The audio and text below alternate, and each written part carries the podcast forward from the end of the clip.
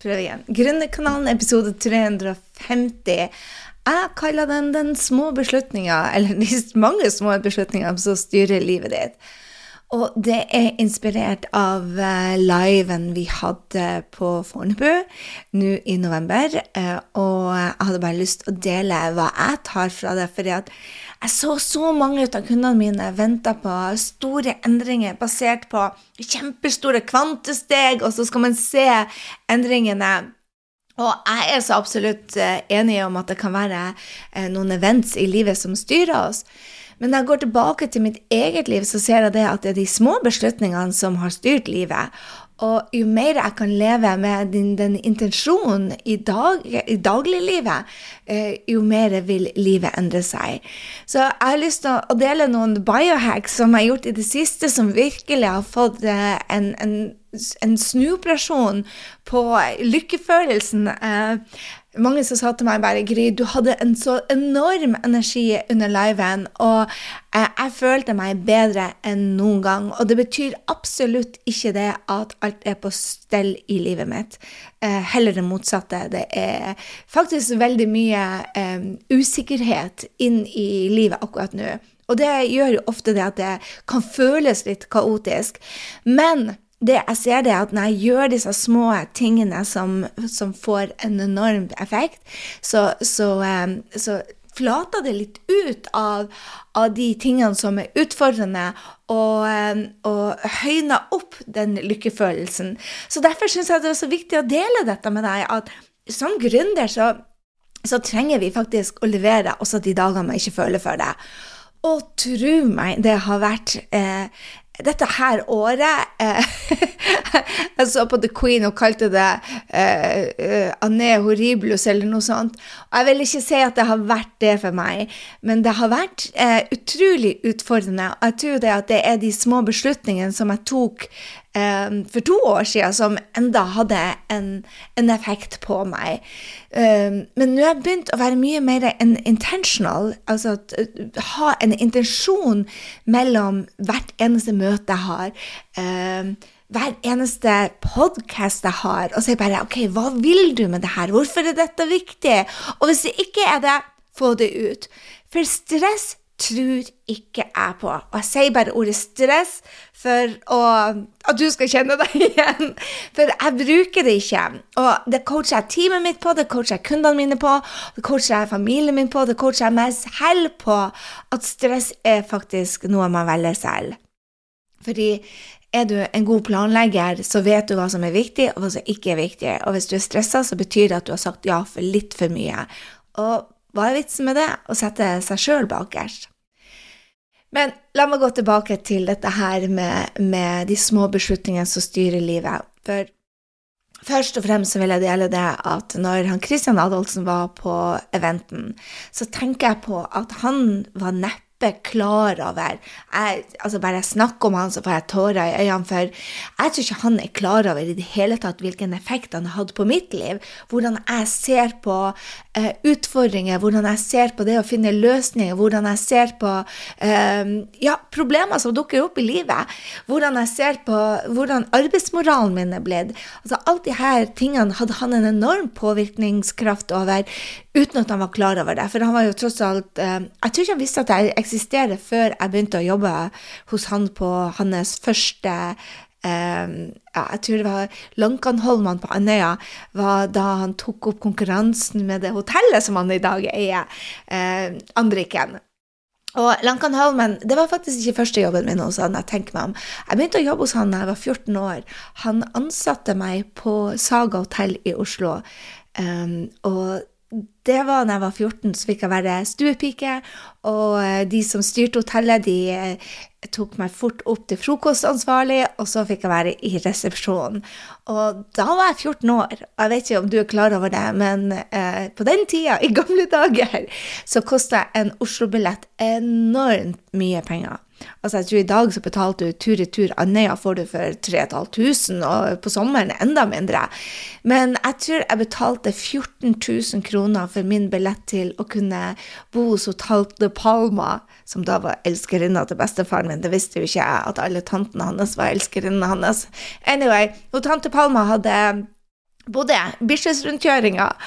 Og når jeg fikk lov til å bo eh, i Pilestredet 70, og jeg tror det var 72 eller noe sånt, sammen med henne, og jobbe for eh, Roger og Kristian sitt eh, hotell, så det var en beslutning som endra livet mitt. Virkelig. Det å sette seg på et fly og bo hos en bekjent av bestefaren din, eh, og det å ta trikken Oh my god, det å sitte på trikken i Oslo Hver gang jeg ser den blå trikken, så, så kjenner jeg det at følelsene bare skapes i meg. For det var da jeg trodde jeg skulle bli forfatter. Jeg satt på trikken og så på alle folkene og, og laga min, min egen eh, drømmeverden. Og det var Kristian som fikk meg dit jeg deler disse tingene med deg fordi at den beslutninga om at han Christian kjøpte det hotellet, det beslutninga at han Christian dro til USA Altså, jeg dro til USA da jeg var 17 år, 16-17 år. Eh, det var fordi at han gjorde det. Han eide et hotell. Uh, og han, han starta som gründer. Jeg hadde ikke noen gründere. Foreldrene, eh, foreldrene mine hadde faste jobber. Jobba i stat og kommune. Så, så, det at jeg så hva han gjorde, det sådde noen frø i meg. Og hvorfor deler jeg historien min? Fordi at jeg vet det at din hverdag slik den er i dag, er styrt av historien din, av de små beslutningene som fikk store konsekvenser. Det at de kjøpte det hotellet, jeg stolte på dem, for jeg hadde allerede jobba for dem. Og jeg stolte på det at jeg vil være trygg i Oslo. Jeg stolte på det at jeg vil få igjen for investeringa mi. Jeg investerte 14 000 i en tur-retur-billett eh, av penger som jeg hadde jobba på renseriet og vaska for, for å da kunne få eh, et nytt liv i Oslo. Jeg drømte om Oslo. Og det som er morsomt den dagen Jeg bodde i Oslo nå i over 20 år, i hvert fall. Fra jeg var, kom tilbake fra USA igjen, 18 år, så 1920, jeg husker ikke. Anyway, jeg blir så gammel at det er blitt mange år. Men poenget er det at fra jeg flytta til Pilestredet, så bestemte jeg meg her skal jeg bo. Og eh, jeg har bodd ja, Sørkedalsveien og Lassons gate er vel det lengste jeg bor unna, og jeg kan fremdeles være på Bislett rundkjøringa i løpet av syv minutter. Og ehm, ja, når jeg kom dit, så sa jeg det her er livet. Den blå trikken, de fine husene på Majorstua. Det er her jeg skal bo. Og ehm, ja, du har den kraften på andre mennesker. Det er mitt poeng. Det er ikke det vi sier, det er det vi gjør. Og plutselig så inspirerer vi noen andre til å ta beslutningen. Um, jeg vil dele en annen beslutning som jeg tok tidlig i livet mitt, basert på en historie som jeg så andre gjorde. Det var en, det var en skolevenninne av meg. Nå var ikke en ordentlig venninne, men hun inviterte meg en gang til å bruke hasj. Uh, og jeg takka nei. Jeg så hva dop gjorde med, eller alkohol da, gjorde med onkel Birger. Jeg så hva det gjorde med besteforeldre. Jeg så hva det gjorde med, med mennesker. Så jeg var veldig avholden til det. Og når jeg var um, 17-18 år, så var denne venninna på gata i Oslo og var avhengig. Og nå kan alle de rundt meg som bruker hasj, fortelle meg det at det er én av én million som da bruker hasj, som da ender opp på gata som heroinmisbruker og prostituert. Men jeg kjente den ene personen som starta inviterte meg til hasj, og da eh, eh, endte den helt feil vei. Nå kan jeg med glede fortelle at hun er av det livet. Men det er derfor jeg aldri har røyk, hasj eller sniffa kokain eller eh, brukt ecstasy eller noe i den duren fordi at jeg så hva ett valg kunne gjøre med en person. Nå er det jo ikke det ene valget, men tenk på den historien brent meg inn i hjernen til denne personen. Og jeg så hvordan livet hennes utvikla seg, og derfor har jeg holdt meg helt unna det sterkeste jeg gjør, er et glass champagne, eller kanskje et par portvin hvis jeg sitter på business class over til USA på SAS. Der har de portvin, og det er et glass der. Da vet jeg at jeg er reiseluksus. Men den historien, det har skapt beslutningene mine etterpå. Da jeg reiste til USA så var det Kristian og Tore som jeg gikk på skolen med, som gjorde en inspirerende handling som jeg tenkte ho, det her vil jeg ha. Og det har styrt resten av livet mitt. At jeg dro til Mississippi, har gitt meg holdninger og eh, meninger om det å reise, om sort-hvit, eh, om eh, mine verdier, de skapte verdiene mine. Sammen med tid. Foreldrene mine har et uh, utrolig forskjellig perspektiv på tid. Den andre kommer alltid, ene kommer alltid for seint, den andre var alltid presis. Og uh, uh, pappaen min var sånn at hvis du ikke er presis til noe, så har du ingen respekt, og du kunne fort få konsekvenser. Mye konsekvenser hvis du var for sein. Vi var bare ikke for sein til pappa. Men mammaen vår derimot, hun kom ofte for seint. Og det er en historie som kan godt hende at jeg lager oppi hodet mitt, for det er igjen altså En ting som skjer, kan én brenne seg inn i hjernen, men andre ikke husker det. Men så skjedde det noe helt annet. Så jeg gikk inn i sjokktilstand. Eh, mamma var for sein igjen. Vi hadde middag klokka fire. Og hun var for sein igjen. Og jeg tror hun kom ti over fire for femte dag på rad. Det kokte over for faderen. Og han ble så forbanna på at hun bare lo ut av hun var for sein, og ikke tok det seriøst, noe han syntes var dødssynd. Her står jeg og lager maten til deg, og så velger du å komme for seint, og så var det hun med forklaringen. Og så tar han hele kjelen med kjøttkaker og brunsaus og trør over hodet på henne. Og for meg så brant det seg inn i hjernen min. Dette her var mange herres år siden, husk det, dette var tidlig 70-tallet.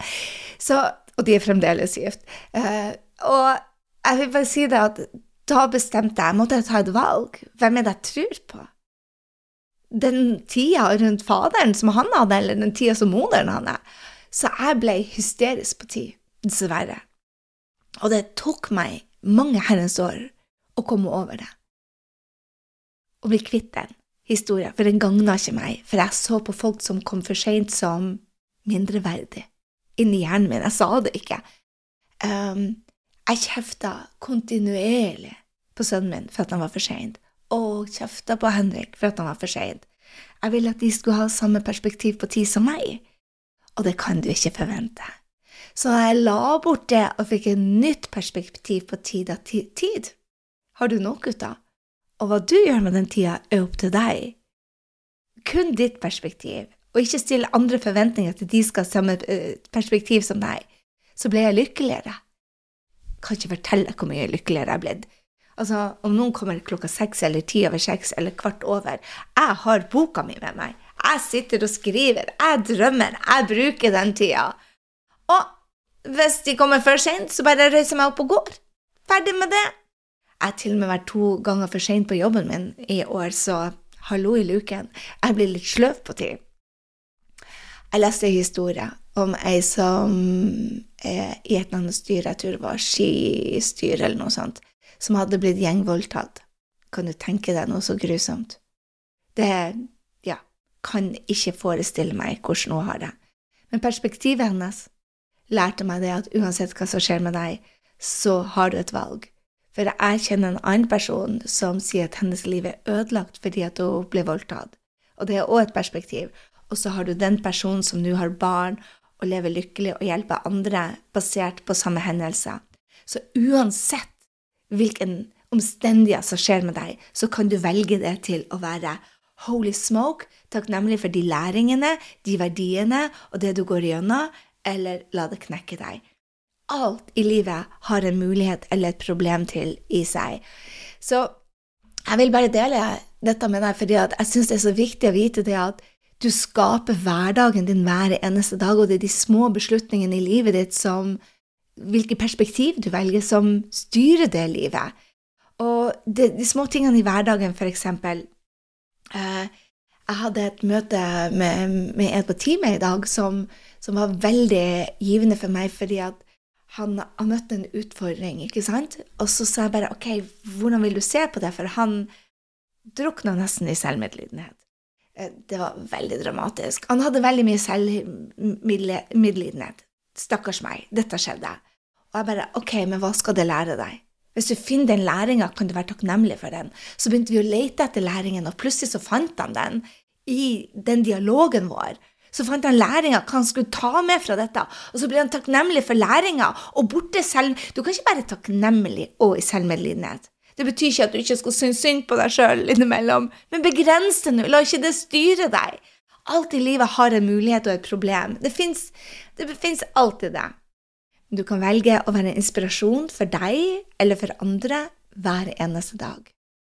Altså, når jeg går ut døra her, så er målet mitt å gi tre komplimenter til noen som jeg møter eller ser.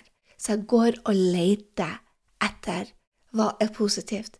Og det som er så kult når du går ut døra, går, åpner døra Vi har en sånn handikap-knapp, så jeg åpner faktisk Jeg bare trykker på knappen. I love it med bygården min.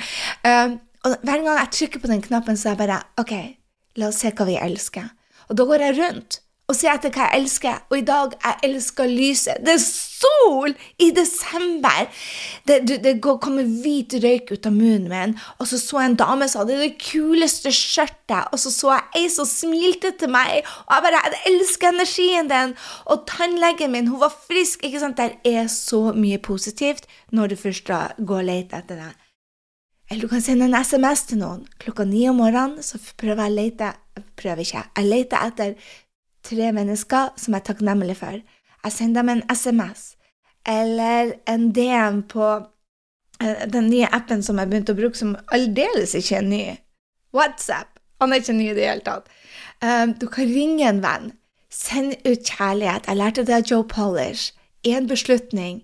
Og jeg vet det at når noen gjør det mot meg, forteller meg at de lytta til podkasten, og at de lærte noe. Eh, når noen forteller meg det at liven har løfta hele uka, når noen forteller meg det at en ting jeg delte, fikk de et nytt perspektiv på, så de tenkte noe nytt. Det rører meg så, det gjør meg så glad, det gjør meg så lykkelig, det føler jeg som om jeg har mening i livet. Og den følelsen vil jeg gi til andre. Hei, jeg ble så glad for å henge med deg under middagen. Det du sa, virkelig gjorde at jeg reflekterte altså, jo, mer, jo mer du kan være spesifikk på hva du elsker med andre mennesker, og hva du setter pris på, jo bedre. Og jeg tror det, hallo i luken, er hvordan du starter dagen din.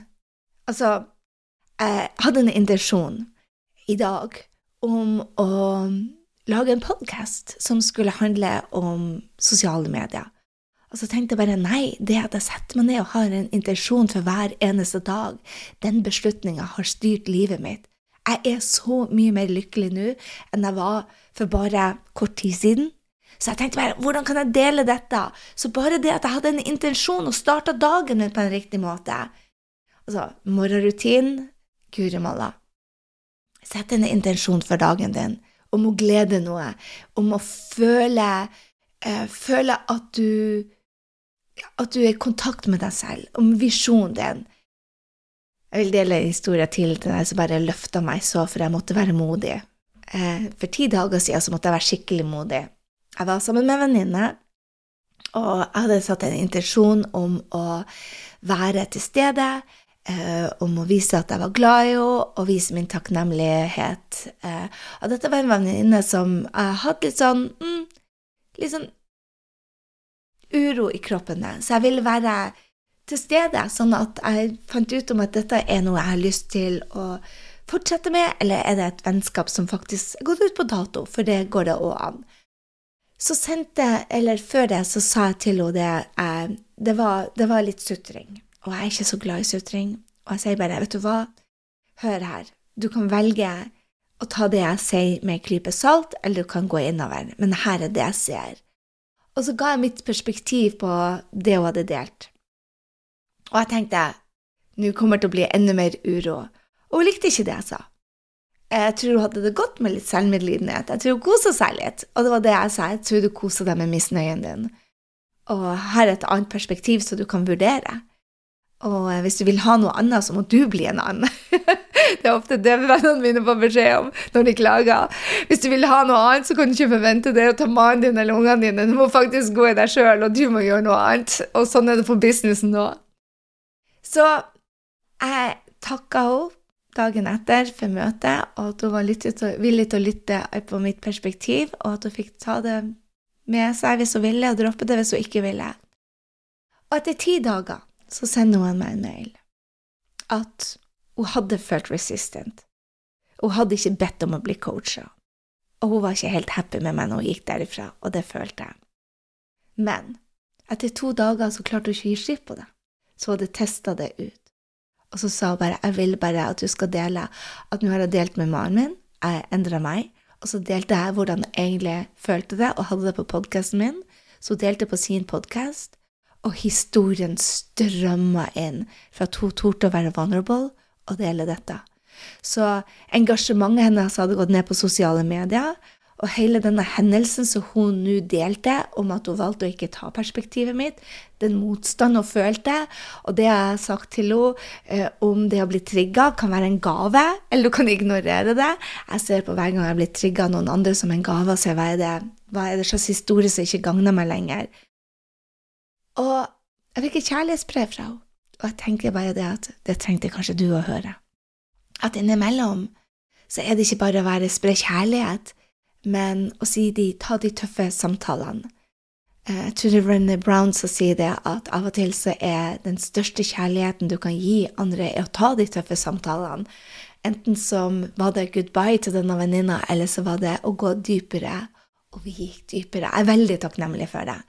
Men hadde ikke jeg hatt en intensjon, hadde ikke jeg vært sammen med Christian denne helga, hadde ikke jeg tenkt på at det er de små beslutningene som styrer livet mitt videre, hadde ikke jeg visst av det og vært bevisst på det, så hadde jeg ikke tatt den beslutninga, jeg hadde bare unngått det, og så hadde jeg fasa ut av livet mitt, og istedenfor så kunne vi gå dypere, som vi nå gjorde. Så jeg hadde dette, dette var så viktig for meg å dele med deg at kjærlighet kan være så mangt, og av og til så er det bye-bye å gå videre, og andre ganger så må du være den modige og ta opp det som skurrer, og være ja. Hvorfor deler jeg det akkurat det i dag, og ikke be real, som jeg egentlig skal dele med deg neste uke nå, som jeg hadde forberedt? Det er fordi at jeg tror det her er høysesong for tøffe tider. Desember og ja, Slutten av november og desember og begynnelsen av januar er det mørkeste tida vi har. Og jeg tror, jeg vet at det påvirker mitt humør, og det betyr at det stiller enda større krav til meg til me-time. Og en av de tingene som jeg har gjort for å biohacke meg selv, hvis du ikke vet hva det betyr, så google it, jeg skal ta det en annen gang, det er for å justere meg den ene lille prosenten den ene dagen, er søvn. Og det er å ha intensjon klar hver eneste dag. Så eksempel på søvn. Jeg bruker WOP, WHOOP, hver eneste dag og måler. Og den sier at jeg må ligge i senga ni timer. Og jeg tenkte OMG, Gry, du kan ikke ligge i senga i ni timer. Jo, det tar meg faktisk over en time å sovne nå. Og jeg sover ikke like bra, og jeg trenger mer søvn. Så jeg er kommet meg opp på grønt. Oh my god, lykkefølelsen bare med å se lys er noe helt annet når jeg har fått nok søvn. Og den måler hvor god den søvna di er. Og jeg skal innrømme det at det har vært mange utfordringer denne måneden, og ikke minst en jetlag, som har gjort at jeg måtte hjelpe. Melatonin, pusteøvelser, og tre dager så har jeg brukt innsovningstabletter fordi at søvn er så viktig for meg. Nå er jeg inne i en god flow, så jeg venter meg av med de, for jeg syns de er litt skumle. Men, men, dette er det jeg gjør for å biohacke min egen kropp. Det er så enkelt som å få nok søvn. Så betyr det at jeg er nesten ti timer i seng om dagen. Hvor jeg faktisk sover eller prøver å sove. Øver meg på å sove. Dette her er høysesong for tøffe tider. Så jeg tror det å komme seg ut i 30 minutter hver eneste dag er vital for helsa vår. Og jeg tror det å sette intensjon for hvert eneste møte og prioritere hvem skal du henge sammen med, hva skal du gjøre, sånn at du gleder deg. Det betyr ikke at vi skal unngå utfordringer, da. Så Gå turer for meg være med venner, det å sette på stearinlys, det å finne en kino hver 14. dag, det å planlegge reiser, det å faktisk reise. Jeg elsker planlegging, så jeg har noe å, å, å se fram til. Det å danse litt hver dag. Dette her er ting som er de små beslutningene som tar meg til et bedre liv. Det gjør meg til en bedre gründer, det gjør meg til en bedre mamma, det gjør meg til en bedre venninne, det gjør meg til en bedre meg. Hvorfor deler jeg det med deg? For dette her er høysesong for tøffe tider. Og hvis du driver og pleaser alle andre med å gå på den ene juleavslutninga etter den andre, og du begynner å bli sliten, og bruker stressa-ordet og slitne-ordet og strevsomt-ordet, da er du kanskje på feil vei. Sett intensjon om å fylle din kopp opp først. Sett intensjonen om å sette din drøm først. For når du har det bra, så vil det Det vil øse over til andre på alle mulige måter i livet. Så det her er høysesong for tøffe tider. Det er kun du som skal, kan avgjøre hvordan du prioriterer tida di. Men er du en av de som sier at du har dårlig tid, dropp det. Du er i kontroll over tida di. Du er lederen i ditt liv. Ta den kontrollen. Dette er de små beslutningene som styrer livet ditt.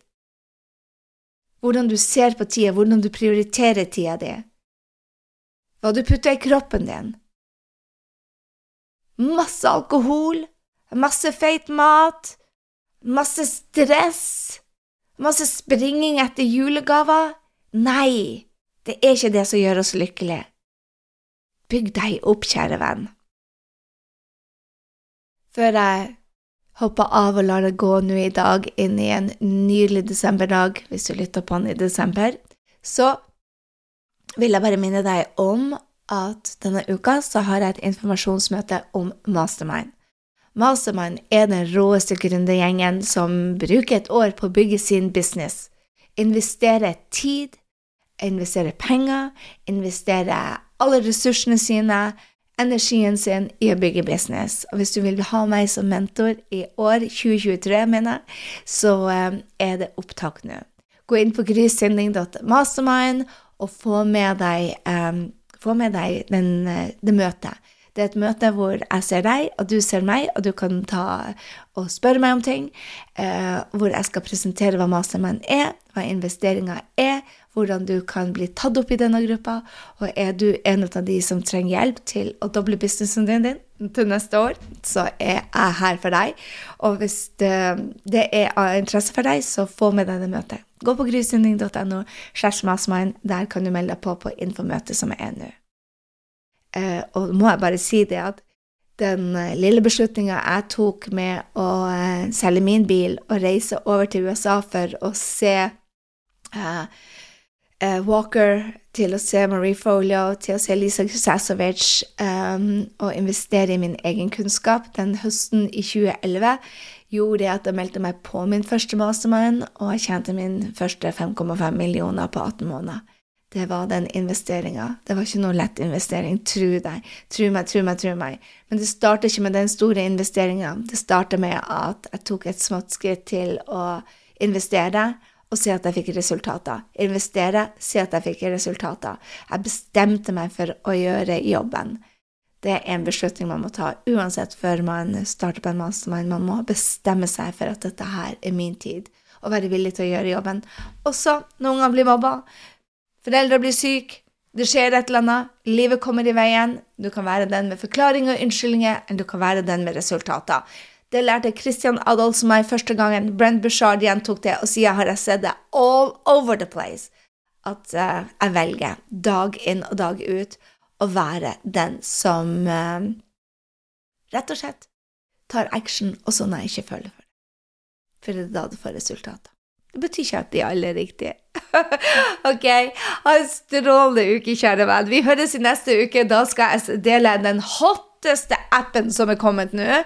Um, som ja, USA is on fire. Jeg kommer jo fra Mastermind med, med James Wedmore. Jeg skal snakke litt eh, om den appen, og hva jeg syns om den, og om du bør hoppe på den eller ikke, eller du bør avvente. Jeg har testa den denne uka. Eh, det er utrolig spennende verktøy, men kanskje ikke til det du tror det kan brukes til. Med det så sier jeg ha en strålende uke.